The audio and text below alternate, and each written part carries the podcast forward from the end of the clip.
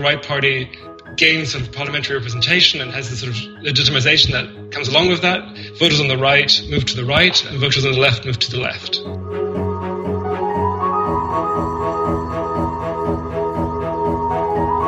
Because people really pay attention to election results, they're kind of like an information signal to voters. So they see the election, they actually learn something about their own society, about um, what kind of place they live in. And so when a radical right party is elected for the first time, so elected into parliament, enters parliament, that sort of can be surprising to many people uh, and can tell them, okay, this is the kind of place I live.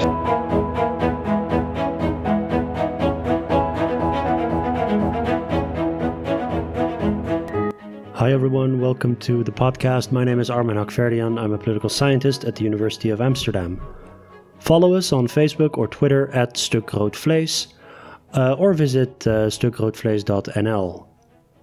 If you subscribe to our podcast, please rate and review. I appreciate it. And uh, make sure to check some of our previous uh, episodes. Um, for our international audience, there's some great ones there with um, Rob Ford, our old pal, talking about Boris Johnson and Brexit. There's one with um, Akwugo Emejulu on intersectionality. I also recorded a podcast with a co author of today's guests, uh, Tarek Abou-Chadi, about social democracy. There's a whole bunch of stuff in our podcast feed uh, that you might find interesting. And uh, there's some Dutch stuff in there too Tamar de Waal, Fenne Pinkster. Uh, yeah, I've been uh, quite uh, busy in these past few months. All right. Today's guest is Markus Wagner. He is a professor of politics at the University of Vienna. Markus specializes in uh, political parties and electoral behavior, and he does a lot of research on uh, issues and ideology and uh, and that sort of stuff. The reason I asked him on the podcast is to talk about a new publication of his, together with uh, Daniel Bischof, who is at uh, the University of Zurich. The paper is called Do Voters Polarize When Radical Parties Enter Parliament? So, uh, this is a paper that was published in the American Journal of Political Science.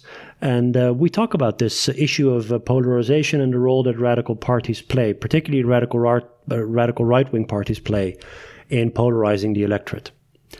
You can follow Markus on Twitter at Markus Wagner AT, or you can visit his website, markuswagner.net, and there you will find all of his uh, work online. I'll link to the paper in the show notes. It's a great paper. It's a great read. There's a lot of sophisticated methods in there as well, but that's uh, necessary in order to answer the question that they pose. So, uh, yeah, make sure to check out the paper. Okay, over to Markus Wagner.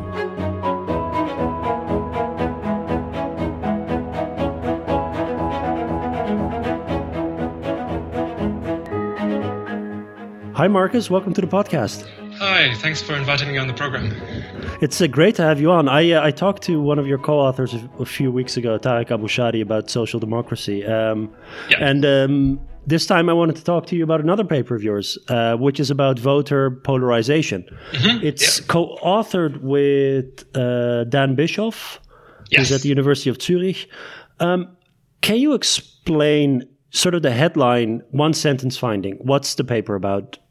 Well, I guess yeah, it's pretty simple to summarize in one headline. I guess it's just that when a radical right party enters parliament, um, voters tend to polarize as a result. So it's pretty simple, one sentence right. um, conclusion that sort of when radical right party um, gains sort of parliamentary representation and has the sort of legitimization that comes along with that, voters on the right move to the right and voters on the left move to the left. So the, the title of the paper is "Do Voters Polarize When Radical Parties Enter Parliament?" Question mark. That's a resounding yes. Yeah, so I guess we could have just titled it "Voters Polarize When Radical Right Parties uh, Enter Parliament." Yeah. The uh, I, I guess the first question before we jump into the paper itself.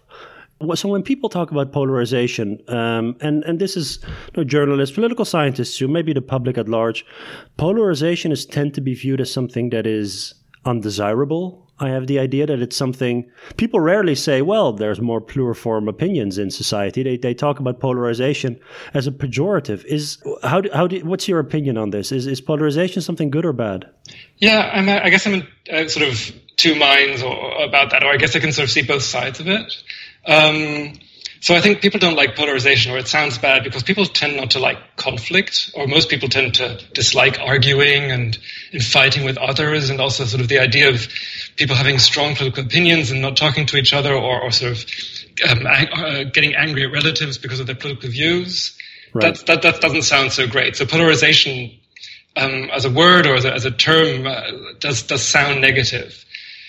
But on the other hand, I think sort of arguing is kind of what makes up a democracy. So people have different views on important topics and they need to discuss them. And if they have different views, then that's, that's life. Um, so, and, and, and, sometimes it's, it's, it's a good sign that voters polarize, which because it means they, they're thinking about politics and they're actually taking a position, taking a stand, right? So, I mean, if, if, if it, it's not necessarily a bad thing to have voters who disagree about things. It can just mean people taking an interest in politics. So, yep. so I mean, that's that's a good. There's, there's some good aspects to polarization. It's kind of an inherent in politics. Like if if if you didn't have any polarization, then we just agree on everything all the time, and we wouldn't really need a democracy, right? You wouldn't need elections, right? Yeah.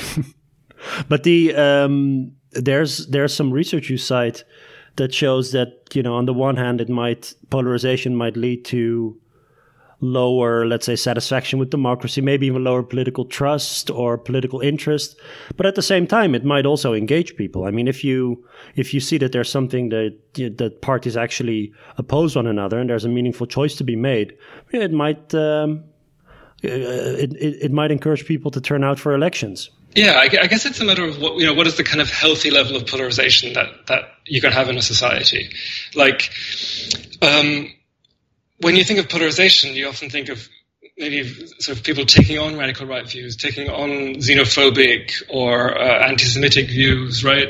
Um, and that's the kind of polarization where I think people get feel very uncomfortable with, because those are sort of views that are outside of the mainstream, that um, take, are very strongly against other groups of society, and you have those on the left as well, right? Sort of very sort of when it, when it sort of starts be, be not being acceptable anymore, sort of um, uh, based on a common agreement or common sort of um, respect, but when there's sort of real strong um, sort of intergroup conflict uh, and, and um, prejudice. Uh, and when people start not wanting to talk to each other anymore because they have such different views, when sort of discussion and debate breaks down because people are so polarized because they're so far away from each other, then that sort of that extreme level of polarization is something that I think is undesirable. So it's kind of in a democracy, you kind of want polarization because, or you, you accept polarization. And that's that's the reason why you have a democracy to, to negotiate your way out of that.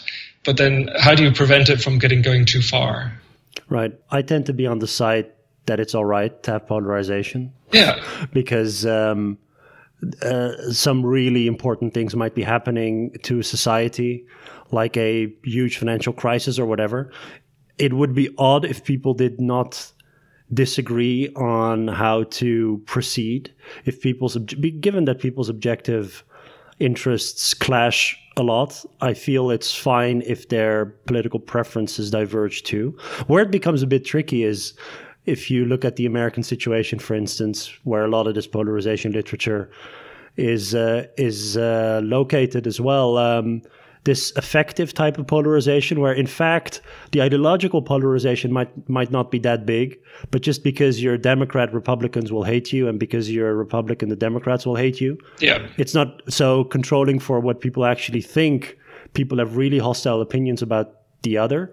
Yeah. i don't know whether that sort of stuff in multi-party europe has has settled yet yeah, I mean, I, I would agree. Like sort of group polarization, when it's when you basically you just dislike other partisans because of which party they support without knowing their ideological views and where there's sort of no ideological basis for it. That does seem to be the more dangerous form of polarization. Um, and the, the evidence so far for Europe shows that it's similarly strong here as in in the US. I'm not quite sure whether I, I buy that yet. That evidence. I mean, there's not not, not that much of it yet. Um, but to the extent that we do have evidence, it seems that group polarization, sort of disliking other partisans, is quite strong in Europe as well. And I think that makes sense when you think of like the way people talk about radical rights supporters um, in in European countries. So there's a lot of sort of very instinctive dislike of um, radical rights supporters. I think so. If you for many people, if you say, imagine your son, daughter comes home with a boyfriend girlfriend from a, who supports the radical right party in your country. That would, that would make people people pretty uncomfortable. So obviously there's an ideological component in that as well. Yes. But it could also there's also maybe a group component, like the connotation of what kind of people these are. So I mean these things are hard to separate. Um, but, but what I think Danny and I are sort of concerned with in terms of polarization, also in this article, is when views that are that shouldn't be socially acceptable become acceptable. So things like uh, obvious open xenophobia, racism, anti-Semitism, when people feel sort of emboldened to voice those prejudices because polarization has increased right. at the elite level. And I think that's the sort of thing that we, we were sort of worried about. When sort of these social norms um, governing public discourse, which tend to say that you know you treat you treat others with respect, and there's a certain level of um, tolerance of other groups and, and, and sort of liberal attitudes. Uh, and when that breaks down because of polarization, that's something that we're sort of concerned with. So the sort of the, the decline of the social norms that might have been stronger a few years ago. Yeah. So let's let's transition to the paper because there's a long-running argument and debate whether or not polarization itself is the result of these uh, radical parties entering parliament or whether they enter parliament because society is polarized. So which way the um, which way the causal arrows basically go. I mean, um, is it was was that the reason you you wanted to engage with this research, or was there some other some other nagging, let's say, issue in the literature that you found uh, needed to resolve? So I think the nagging point was more the was more reality. so real life events were the nagging point. So I think we sort of we, we saw what had happened in the in the last few years, so with the election of Donald Trump and with Brexit and with sort of the rise of the Freedom Party in Austria, which which was the largest party at, when we were writing this paper, and the the Alliance for Germany, um, and you know, and radical right parties doing very well in many countries. And we sort of thought, okay, what kind of effects does this have on society? And and you you know, we, we in the U.S there's a lot of dis- there's a lot of discussion about how Trump's election sort of legitimized uh, radical views, white supremacist views um, more broadly, and I think that was sort of the, the trigger. And then the the other trigger, I think that you're completely right, is this methodologic methodological trigger where it's just really hard to separate whether radical right parties are successful because people support their views, and that's you know, that's clearly true that a lot of people hold views that, that are similar to those of radical right parties, or whether radical right parties sort of increase um, so the sort of supporters of radical right parties also then take on their views. So it's a sort of whether people follow parties um, or whether parties follow the voters. Right. So that's a sort of very classical political science question where causality can go both ways, and that sort of nagging point that it's really hard to, to disentangle those two. And, and we, we sort of struck on the entrance of radical right parties into parliament as a sort of relatively clean way of sort of isolating the causal arrow. Yeah. Yeah, I wanted to talk uh, later about how you actually go about doing that because I think that there's uh, a lot of yeah a lot of interesting um, stuff that you try. I mean, given the fact that you cannot go about changing elections in countries as an experimenter. Yeah. uh, you know, you have to, you know, things happen, and then we try to figure out what cause and effect is. Yeah. Uh, but I, I, wanted to leave that for uh, for for later. For now, so what are what are your expectations when you sort of start um, writing the paper in terms of the theory? What what do you what were your expectations what might actually happen once a party like let's say um, the uh, the FPO first entered parliament, or in the Dutch case, the the LPF entered parliament. What happens to a country once that happens? Yeah, so we see these parties as um, the election of these parties, or the, the sort of gaining representation in the, in parliament, as an information signal in a way to voters. So people tend to follow election reporting quite a lot, even people who aren't that interested in elections. Um, so, you know, on the day of the election, most most people in the society, at least most people who voted, will kind of pay attention to, to the election results. And it's sort of a it's a really newsworthy event. It's, it's something that really grabs the attention. And um, one thing which we which we think has been kind of uh, undervalued in the literature so far and research so far is that so because people really pay attention to election results, they're kind of like an information signal to voters. So they see the election, they actually learn something about their own society, about um, what kind of place they live in. Right. Um, and so when a radical right party is elected for the first time, so elected into parliament, enters parliament, that sort of can have a really, can be surprising to many people.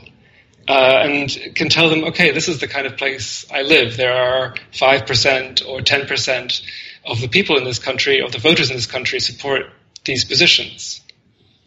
Um, and so we didn't find too much work on that sort of idea that, that people look at elections as sort of a type of information about the kind of society they live in. So there's other literature on events that update norms, so like on Supreme Court decisions in the US, where people, um, where the Supreme Court makes a landmark decision and people update their preferences as a result, for example, on, on gay marriage, for example, where something sort of given legitimacy and then you update your preferences because you think, okay, this is something that's clearly accepted in society or something that that is um, has some kind of uh, legal basis. So I think maybe I'll update my views on this as well. So these kinds of big sort of big events, they can update preferences because they sort of given given um, provide information to to citizens. Uh, so elections, they, yeah. Sorry. You, if you're a radical right voter um, and uh, you might, you know, not know how big the party might be. When that party gains parliamentary representation, that legitimizes your own views, and then you feel more comfortable uh, voicing them. Yeah, so on, the, on for people who are radical right, who have radical right preferences, so who are uh, sort of more right wing in terms of their personal views, they might not know that many people who have similar views, or they might think that such views are not welcome in society, so they might see themselves as a bit outside of the mainstream. They don't. They might not think. They might not feel comfortable at voicing those views. So when they see the radical right party entering parliament, and they see that okay, there's five, ten percent of people who also share these views, um, they sort of feel emboldened. They feel um, that they feel less alone, and they feel like okay, this, this, these are views that I that I are worth sharing, that are that are um, in, legitimate in society. There's a group in society that shares these views and is, has parliamentary representation. Um, so then that in that way, sort of the election of the radical right party can make people with views similar to the radical right party feel that they are that they can voice these views, that these are views that are legitimate in society, whereas before they might have kept them secret or maybe not just not even admitted to themselves that they hold these views. Right, or to, to the pollsters. Or to the pollsters, exactly. So, I mean, it's really hard to. Uh, one thing we struggled with in the paper is like, is it just people just not telling the pollsters, not telling the, the interviewers what their real views are, or is it actual, real, right, yeah. real change among the the respondents, among the citizens? But at the same time, yeah. it can it can also create a backlash. Yeah. So um, the other thing is that, of course, people on the other side, they they on the on the far left in this, in, in we most look at radical right parties. So people on the left, they might see this election and think, okay, wait a minute, I live in a country where 10% support this party that I completely dislike and abhor. Uh, and that makes them sort of feel more left. Like if that's right, then I'm more left than I thought. Basically, you know, I, I have to oppose this party, um, so I need to distance myself from these views and and, and oppose the sort of this um, societal trend that, that they are witnessing. So in that, in that, sense, the information goes both ways. It's information for people who share the views, but also information for people who realize that society is maybe less um, welcoming or less like they, like them than they thought. Right. And then, so the thing that I um, I was just thinking of uh, when you when you said that that this is a, in fact the, at least the theory is all about signaling and about information processing. Yeah. Um, uh, in the latter half of the paper, some of the empirical evidence is from the mid 70s or something, or that's that's when some of these analyses start, yeah. and they go all the way to um, to to the present day. When a new radical right party entered parliament in, let's say, the 70s or the early 80s, is there something different about the media environment then compared to now?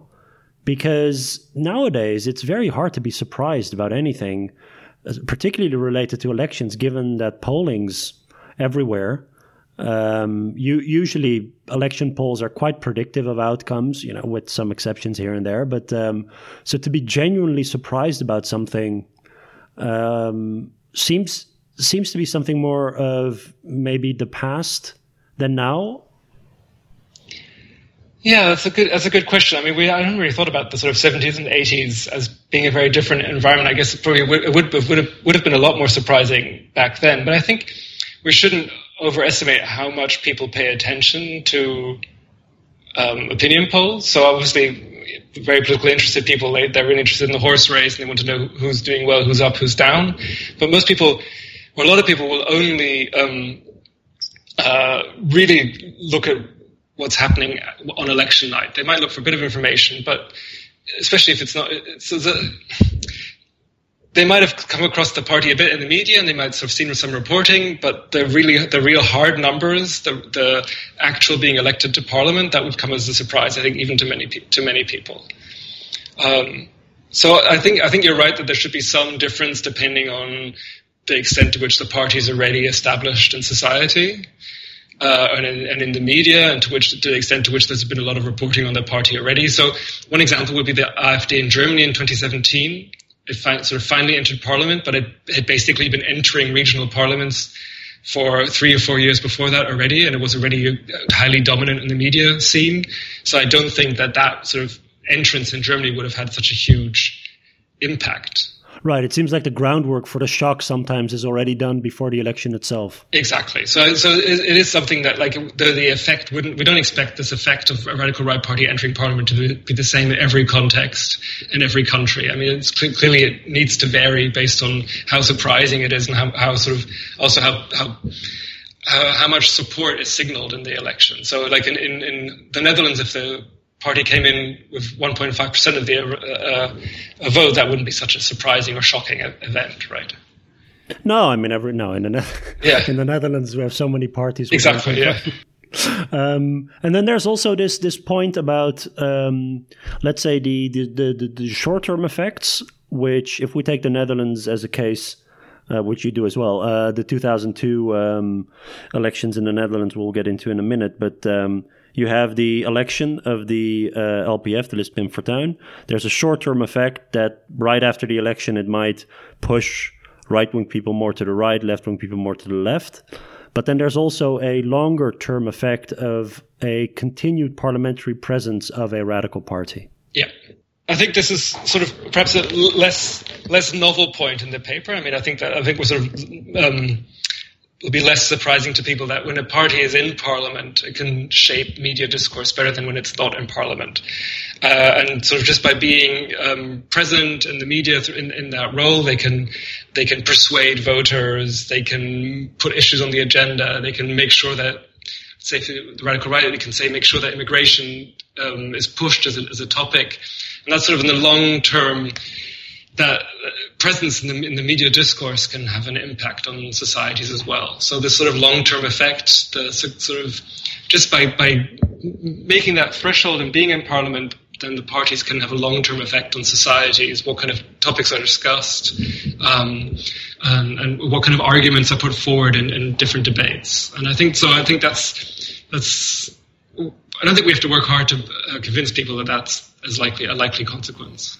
There's this. There's an interesting point that you make um, in the paper. The difference between this short-term effect of a sudden election and then the long-term effect. You say that the short-term effects are not due to persuasion. Instead, voters on the same side of the radical party feel more comfortable um, professing radical views, whereas opposing partisans feel the need for public opposition to these views. And then, if I understand it correctly, you expect that in the long term, there'll be more persuasion where the same voters actually change change minds. Yeah. Because of the presence of the radical party. Yeah, so I think so. I think that this the short elect, short-term election effect is too short to really create persuasion around around the arguments. I mean, it's a you know an election night reporting is not so much about the you know parties defending their views or explaining their views. So I don't I don't think it's the context when people really rethink what they stand for. So we th- we think, and that's more of a conjecture than a, than actual proof, right? So we think that the effect at the election is mainly this um, more performative almost, right? So you, you declare your opposition or your support for this party yeah. and for, for the ideology. Whereas in the long term, people might might actually take on these views, might see, might follow party in terms of seeing which issues are or which problems are most prominent and so on. Um, yeah. yeah. So, but I mean, it's also important that they, you know when these parties are are seen as successful, that might also just make people think about their arguments more. So this is this idea of um, of momentum. So this is not in the article, but it's, it's, uh, we're writing a follow up piece where we're sort of thinking more about this. And when parties have momentum, they actually can do better at persuading voters because um, so because they will be at the forefront of voters' minds. They will take the argument seriously. So in a way, by being successful, parties can can be better at persuading voters because because they'll just be more present and people will take the argument seriously. So that might feed into it as well. Does, does momentum um, mean that you're performing well in the polls? Yeah, well, momentum. Just, I mean, I guess just success, right? So the the badge of success. This is a successful party that people people are supporting. That can make people take the arguments of the party more seriously in a, in a bandwagon. Fashion. Yeah, kind of a bandwagon effect that actually has persuasive consequences. It's not just you don't you're not just jumping on the bandwagon, but you're actually um, being persuaded by their views or taking on their views. All right, so then we have this these all these bunch of uh, let's say hypotheses and expectations, and then you have to go about testing them. And um, one of the things I I think um, is really nice about the paper is that it does multiple it has multiple research strategies so mm-hmm. there's a case study of the Netherlands, uh, which for obvious reasons uh, I find really interesting. But then there's also broader, let's say, comparative evidence that is more across time, uh, across time and space. Uh, and I wanted to um, start with the Dutch evidence first. Um, so the Dutch parliamentary elections of 2002, you use them as a test case because that was the big um, landmark election where the list Pim Fortuyn got into parliament as the second party. Um, Pim Fortuyn himself was assassinated uh, days before the election. And um, I think up to this day, it's one of the most volatile elections in European democratic history. So I think if you were to make a list of the number of seats that changed between parties in between par- uh, yeah between elections. Mm-hmm. I think this one, the Dutch 2002 one, is right up there in the top something like top four or five even.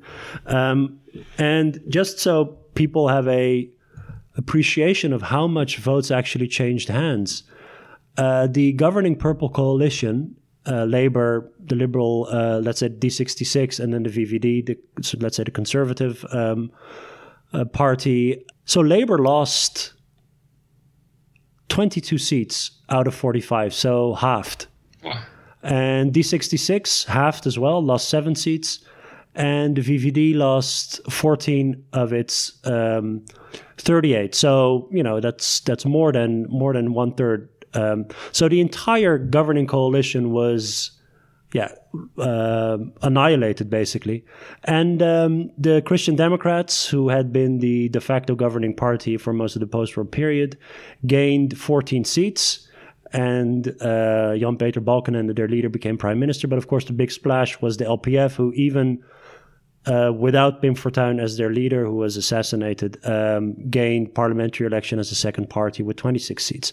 And then there are some minor minor parties that also gained seats, like the Socialist Party um, so that's basically the the setting to analyze the uh, the yeah to analyze polarization. What precisely did you do with the Dutch case?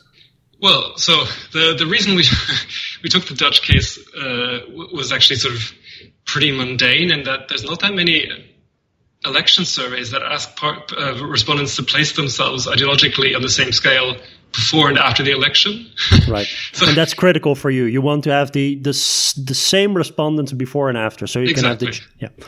If it's a different sample, you can't make the the claims that you want to make. Yeah, so we have the same people interviewed before and after the election, and the nice, really nice thing about the Dutch election study 2002 is they, they sort of interview people right up until the day of the election, and they started interviewing them, them again right after the you know the day after the election. Right. So it's just it's it's really neat for, for us in that uh, in that sense. And and we really we, we sort of tried really hard to find uh, election studies that do that, that sort of similar designs, uh, and also have a radical right party coming into parliament for the first time, and that, that basically that didn't exist. So I mean, the, yeah. the first reason for using the Dutch result, uh, Dutch case is, is just purely that sort of data availability. Um, we should do that again. Uh, if there are any people listening with the Dutch parliamentary election study, let's do that again. let's have a panel like that again. You just need to think of, an even more radical party to enter, yeah. enter, parliament for the first time. Or, yeah, um, but I mean, and, and, in a way, the the the, the Pim Fortuyn uh, case is pretty suitable as well because it, it was pretty surprising, and at least it was pretty short term um, event. So I mean, I'm, I'm, going to be careful what I say since I'm, I'm not Dutch and definitely not an expert on, on Dutch politics. But so my understanding is that that it was pretty much it had, was a pretty short term event. The the success of the party it wasn't sort of if you'd asked someone uh, a year ago or six months before you, you wouldn't have expected this. So in that sense, it is a kind of shock like event event that that yeah the big shock was uh, the big shock was in March during the local elections yeah. where his party gained uh, I think about a third of the seats in Rotterdam. He participated in Rotterdam. And yeah. then two months later we had the national election and there he basically uh, he, he repeated the success in Rotterdam but on of course on a national scale. So it was all compressed in those few months. Yeah it's a pretty short time scale for for a party to like that to, to gain such uh, a large amount of representation in parliament. So if you think about the case I just mentioned, uh, the alternative for Germany, I mean, that was like a, a they almost made it in the 2013 elections, and then they sort of the slow build up. So that's quite right. different from from this case. Um, and then it's also critical that it was a really dominant event, and that, and also sort of quite a surprising event in that discourse was, I think, really affected by the, this election, right? So the topics that had been not as strongly discussed or maybe not as legitimately discussed in the public sphere really, um, I guess, entered the debate. You mean mostly cultural matters? Yeah, mostly things concerning with integration and immigration, multiculturalism. Yeah. So things that sort of were sort of uh, um, issues that were sort of I guess, boiling up, or sort of there was definitely some sort of ground level concern, but sort of the elites hadn't really addressed it as openly. And so this sort of this new party also changed the issue agenda and, and, and put the spotlight on these issues where people maybe also felt there was a societal norm about what can be discussed, what can't be discussed, and so on. So it's a kind of ideal situation for what, the kind of effect that we would expect, which is when, yeah. when sort of views that are uh, perhaps more widespread than people know, sort of come out in the open. So that's why we sort of expect that the sort of signal of the of the of party being elected into parliament, um, that that signal could tell people that you know these views are actually more legitimate than than they thought previously, and also to the other side might might might signal that okay, we need to defend this uh, our achievements in this area, we need to take a stronger stance against this because this is a, a conflict that's going to be that's going to dominate in the future.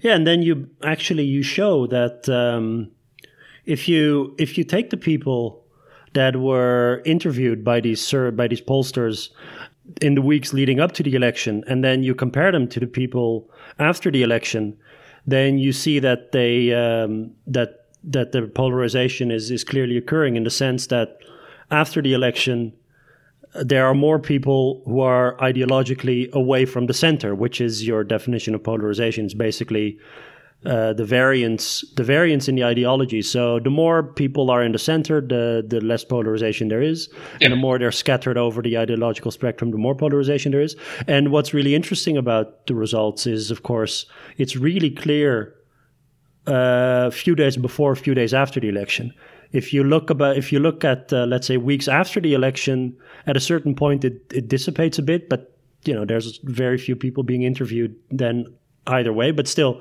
there's a jump in uh, polarization right around election day. Yeah, so I mean, we, we just took a look at the traditional left-right scale where people sort of have to place themselves on. I think in this case it's one to eleven, and we take the distance from six. So no. yeah, so how, how how far away from six do you place yourself on this one to eleven scale? So you know that the sort of left right scale can be criticized because some people might not really understand what left right means, and it's has lots of different definitions. And for some people, right wing is um, being a capitalist. For other people, right wing is being um, sort of anti-immigration. So it's, it's sort of a very um, broad ideological scale that, that, that, can be criticized, but I, I sort of tend to think it's an advantage because people put into it whatever they think is relevant.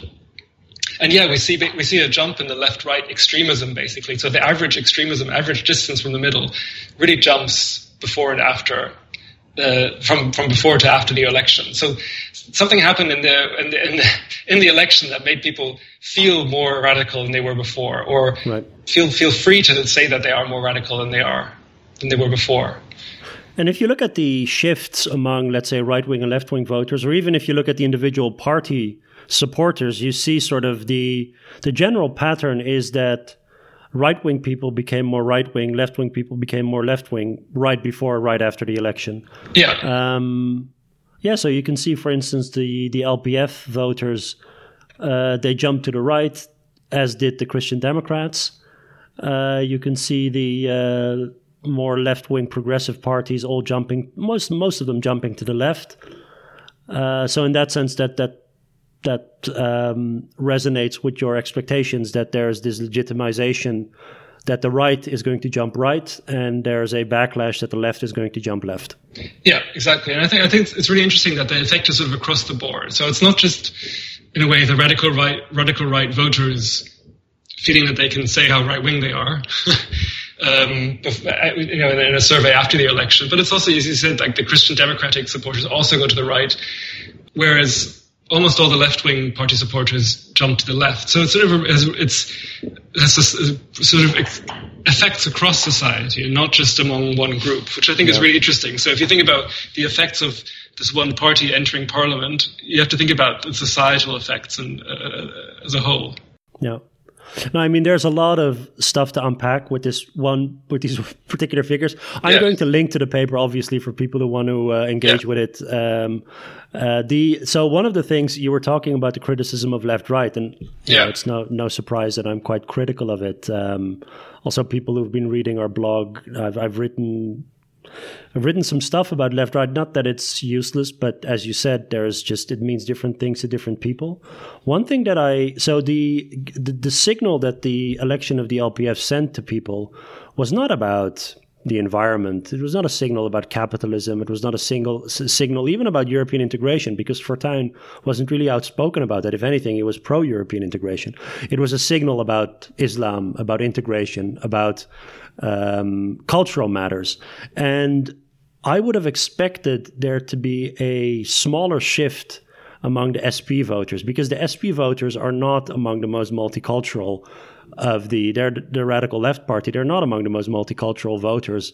That so that the fact that the backlash is really strong for them is you know raises some raises some questions. I mean, it I might think, be because yeah, yeah there, there, might be all sorts of things going on that I don't yeah, we can speculate about what's going on there for a long time, but it, I would have expected the Greens, also because the party, the Green Party leader at the time, Paul Rosenmöller, he came out swinging, uh, you know, against Pim Fortuyn, um, whereas the SP party leader Jan Marijnissen, he took shots at Fortuyn, but he took shots mostly also at the governing coalition, which he considered to be very neoliberal. So there's yeah, there's some interesting sort of nitpicks here with the with with the actual election at the time? Yeah, I mean that's a that's a good question. I mean, one thing we would have really liked to look at is more specific issue scales. So mm. um, things like literally regarding immigration or asylum, which which the Dutch election study did ask, but they didn't ask the same questions before and after the election. Right. so the only the only one they asked twice, I think, was the left right question. At least the, yeah. at least the immigration ones weren't asked twice, which is so obviously, obviously, we'd expect an even bigger effect on on those scales if they'd been asked. Right, because you because I think that the theory is about it's not it's not saying uh, at least the way that I'm understanding it. There's a lot of um, conditional effects that might be going on. So the legitimization, for instance, might be bigger in a particular context where you know the radical right and its issues are considered a massive taboo. You know, it might be bigger for radical right versus radical left parties. There's all sorts of nuances that can be made, but of course, it requires the proper data to test them. Yeah, I mean, one thing we did check is, is whether the Green Party entrance in Germany had a similar effect. I mean, that's going back a few a few more decades, right? But we looked at Germany in 1983, where it had a similar design, and that was sort of the first time that the uh, Green Party entered parliament. And back then, the Greens were still pretty um, were they radical? Well, I don't know if they were radical, but they were still pretty unusual, and they, they definitely sort of broke political norms in, in the way they they performed as a party, right? They weren't they weren't part of this. Um, they they famously sort of wore trainers to, to into parliament and sort of yeah they were they're definitely outside of what you sort of seen as a normal elite politician. So they did challenge challenge the establishment in a certain way. Right.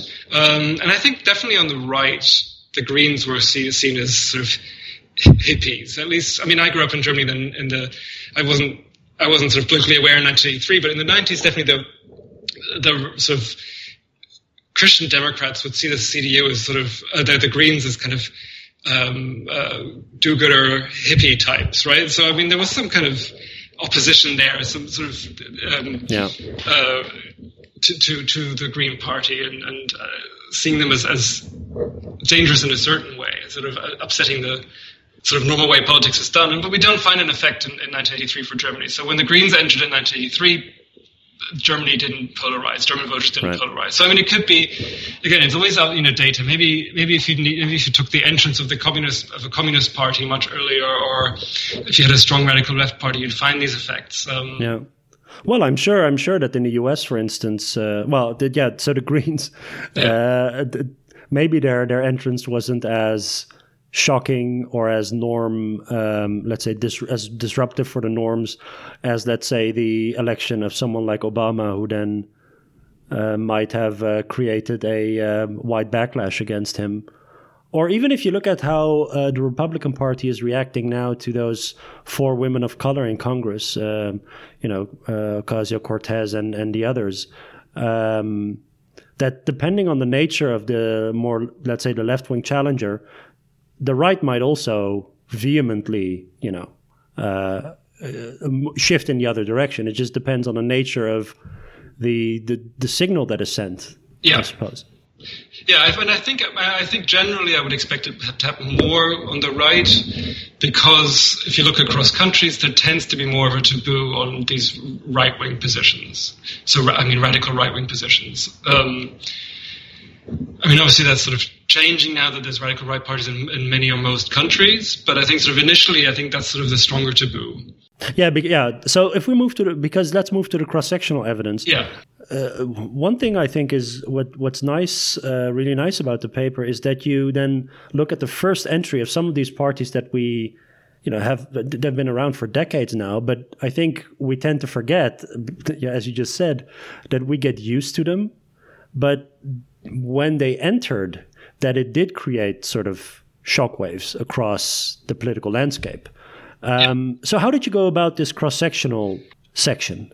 So here we, we, took advantage of Eurobarometer data, which is collected by the European Union or the European Commission, and and it's the nice thing about this. It's been collected since 1973, so for a really long time already. And they always ask um, respondents to place themselves on this general left-right scale. Um, you know, whether we like it or not, that's yeah. the scale that people that they that they people are. It's always there, and it's, it's always, always going to be there. Yeah. So, uh, but so it's and you know on a scale of one to ten, and, and so uh, in the end, looking up until I think 2016, we have you know almost over well we have over one and a half million respondents in uh, uh, in our, our, country. So it's a sort of a huge data set by now, um, and so and and people sort of they start running surveys once it's clear that these countries will enter the European Union. So for some countries you have data back to 1973, so France or Germany, but for other countries like Austria or Finland or Sweden, it's from the mid 90s. For Central East European countries, from the 2000s. So it's kind of it's not it's not as broad as, as we would like it to be, and we miss out on a few really important radical right party entrances because the because the countries enter the European Union too late.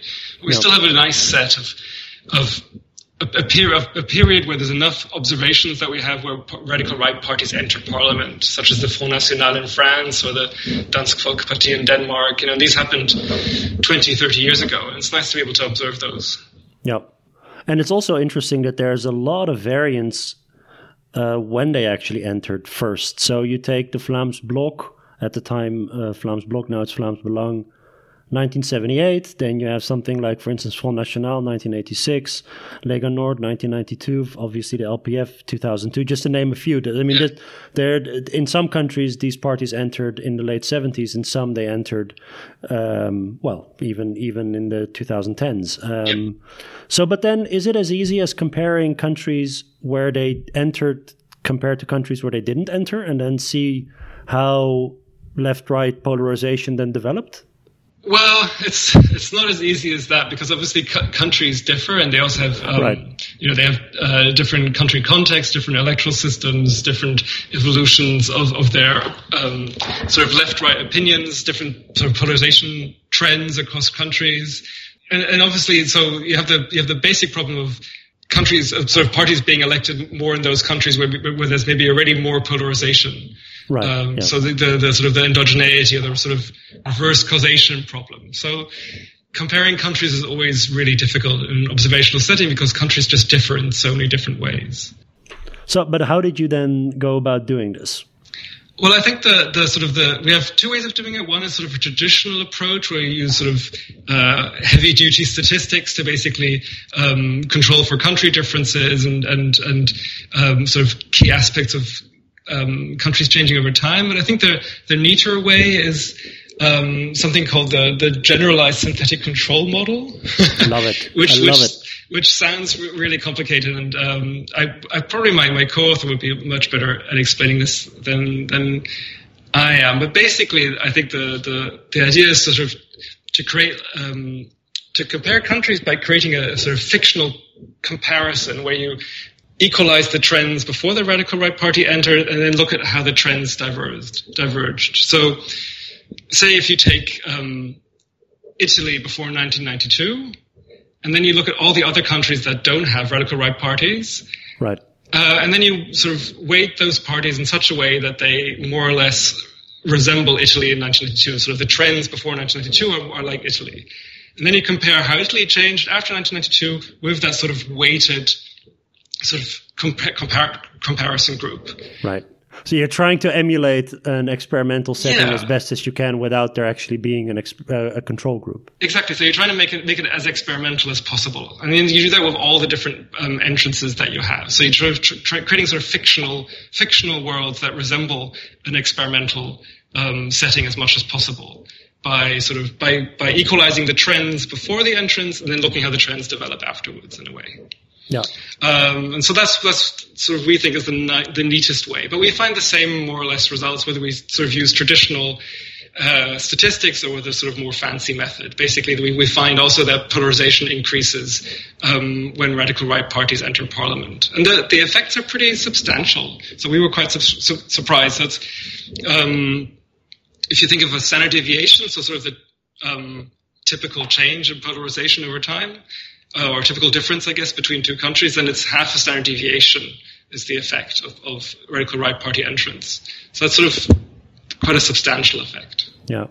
The thing I want to uh, emphasize for maybe for, for, for people who aren't really following um, academic publications that often is uh, obviously one single one single study is never a definitive answer, but what you see more and more often nowadays in publications, and I think this is a really good example, is that a sub study is about a particular country, let's say the Netherlands, where you have particular types of data that shed some light on the matter. And then you have another larger data set that maybe looks at it cross countries and across times and approaches this same sort of question from all sorts of different angles. Um, of course, it's easy enough. It's easy. It's easy to say, well, you can't really say what what's happening causally speaking. So you shouldn't write about this sort of stuff unless you do an experiment. Well, I mean, if if that's your you know, if that's your opinion, then about 99% of everything that's interesting cannot be researched. the yeah. the real challenge is, you know, given that we cannot run experiments, how can we still make the most of these observations that we have? And I think in that case, uh, so, so in that regard, um, having these three studies next to one another and each showing showing pretty much the same larger patterns is, um, as a reader at least, it uh, it helps um, make for a compelling argument. Yeah, we, we, actually we actually have a couple of follow up studies that we're working on right now that also tend to confirm what we have here. So we, are writing something right now on, on the rise of the alternative for Germany, um, sort of between 2013 and 2017. And you sort of see the same effects in re- with regional parliament entrance, like as, you, as we do as, as you find for national party entrance in this paper. So basically, if when the AfD entered a parliament in, in a German region, people in those regions sort of tended to identify more of the AfD and tended to see immigration as a bigger um, problem. Um, so this, we find that kind of sort of gradual effect also within one country over time as this radical party entered the, the different regional parliaments in Germany, uh, which is quite which is quite neat, we think. So it sort of tends to confirm what we find in this paper. Uh, so um, towards the tail end, maybe uh, we can talk about some uh, some future projects you have. What um, what do you have for us in terms of uh, research down the line?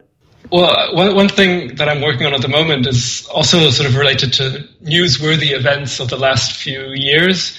So obviously the, the refugee crisis was also a big deal. I mean, I guess it's a few years ago now, really, but um, it, it was definitely an event that changed European politics and, and, European societies. And so one thing we were we were wondering um, in Austria is whether sort of refugee housing had an effect on, on local attitudes to immigration. So in Austria, there was a, there were a lot of uh, refugees in Austria. It's Similar to Germany, it was you know 100,000 people almost, and um, I think it was one of the most sort of welcoming countries in terms of how many refugees Austria took took in.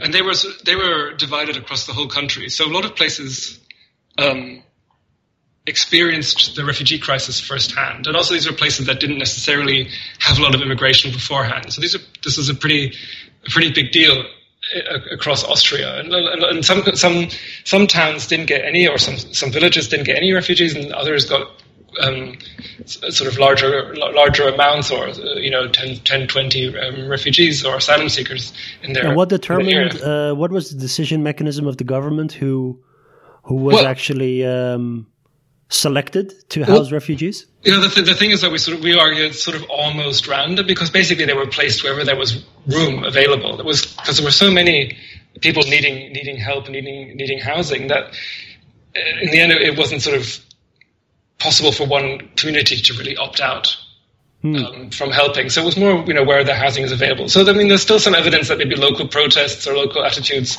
uh, local politicians had an impact. So we we tried to address that in the paper. But basically, we say this is a pretty good situation, uh, social scientifically, in that.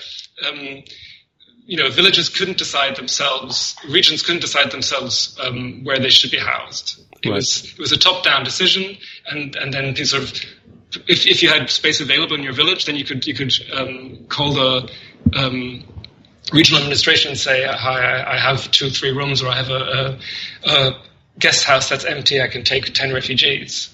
So there was no real way for the local community to have, have a direct impact on whether they take refugees or not. In that sense, we sort of think it's almost like an experiment. Hmm. Um, right and then we just we, we had a survey in the field in 2017 where we asked lots of questions about people's attitudes to immigrants and to asylum seekers, um, and we we just we just compare communities that took in refugees and communities that didn't take in refugees, just to see whether uh, attitudes are different in those um, two settings, and obviously the, the concern is that maybe the places that took in refugees were already um, different before, but we sort of we try to we, we control for it statistically, but we also make an argument sort of theoretically why that shouldn't be why that shouldn't be the case. And basically, what we find is that the areas where refugees were taken in, there's a lot more skepticism towards asylum seekers, and also knock-on effects on sort of towards immigration and towards uh, Muslims. So uh, much more anti-Muslim attitudes uh, and, and greater anti-immigration attitudes. So it seems as sort of a negative effect of, of experiencing the presence of refugees. And we kind of argue that it's the way that refugees or asylum seekers were present in these communities was often as outsiders. So the contact wasn't strong. There were a few people who helped out, you know, who, who became really involved, but society in general uh, just perceived a group that was uh, different and had, had arrived and wasn't necessarily going to stay there very long and wouldn't integrate. And so when you think of the traditional sort of contact hypothesis, where you think that when people really get to know people from a different group, they develop more positive opinions. The, sort of the, the conditions for that weren't really present. And instead, it was more of a setting where you would expect people to react negatively because you're basically just seeing an outgroup arriving in your area and not being integrated very well. Right. And were you able to figure out um, why people were were negative? Why why people turned negative in the presence of uh, refugees? Mm, well, it's, that's I mean, it's a difficult question. What we did ask is whether people had contact with refugees, mm. and and the only contact. So the, the they sort of they, there's much higher contact in areas that took in refugees, but only sort of in the residential area. So they don't they don't get into touch with them in any interactive way. Um, that's sort of the only reason. The only that's sort of why we, we argue that people had a passive um, experience or witnessed these, the arrival of these groups passively, but didn't really interact that much on a day to day basis. And is there any research given given that this seems to be like a pretty good test case to study the effects of the presence of refugees uh, on other outcomes, on economic outcomes or on social outcomes, or even something like like like crime or um, whatever whatever it might be? Hmm, I'm, I'm, not. I'm not sure. I mean, in Austria, I'm not aware very much. I mean, generally the the, the system has worked very well in Austria. So I mean, the uh, administration has been very efficient, and there haven't, haven't been huge problems. I would say, or the, the, challenges have been dealt, dealt with pretty well. I mean, we find in the paper that there's sort of knock-on effects on radical right voting. So areas that had housed refugees had higher levels of of um, radical right voting, for Freedom Party voting. So that's sort of a broader social consequence. And did you see any difference between countryside and let's say cities? Yeah, so that's so. This is the um, I should have said. So the only the variation you see in Austria is in the countryside. So all the okay. cities, you know, any any city above I don't know ten thousand people took in asylum seekers. So it's a it's a it's a comparison between different types of rural areas in a way. Yeah. But we did look at whether these rural voters are really different from city voters, and if you look at sort of age, uh, gender, education levels, they're not that different. So we don't think that rural, rural voters aren't necessarily, uh, you know, also in terms of their attitudes, um, not that different. So we don't think it's a it's a it's completely narrow comparison that we're making there. And is this, has this been published already, or is no, this still work in progress? It's it's under review, but we've we've, we've sort of, we're working on it, I guess. Ah, so it's under review. That maybe in, in five years it will be published. yeah, given, how, but, given yeah. how fast we are. Yeah, exactly. 2026 or so, you can yeah. read it in print. So, thank you so much for uh, for your time, Markus. This was yeah. uh, this was uh, great. My pleasure. My pleasure. Uh, if people want to follow you, um, you're on Twitter, right? I am on Twitter at Markus Wagner AT. And uh, otherwise, they can just go to your um, to your website where I think you, um, yeah, all, all of your publications and your work in progress is uh, is there. Exactly. Yeah. Great. Thanks so much, and uh, thank you for listening. See you next time.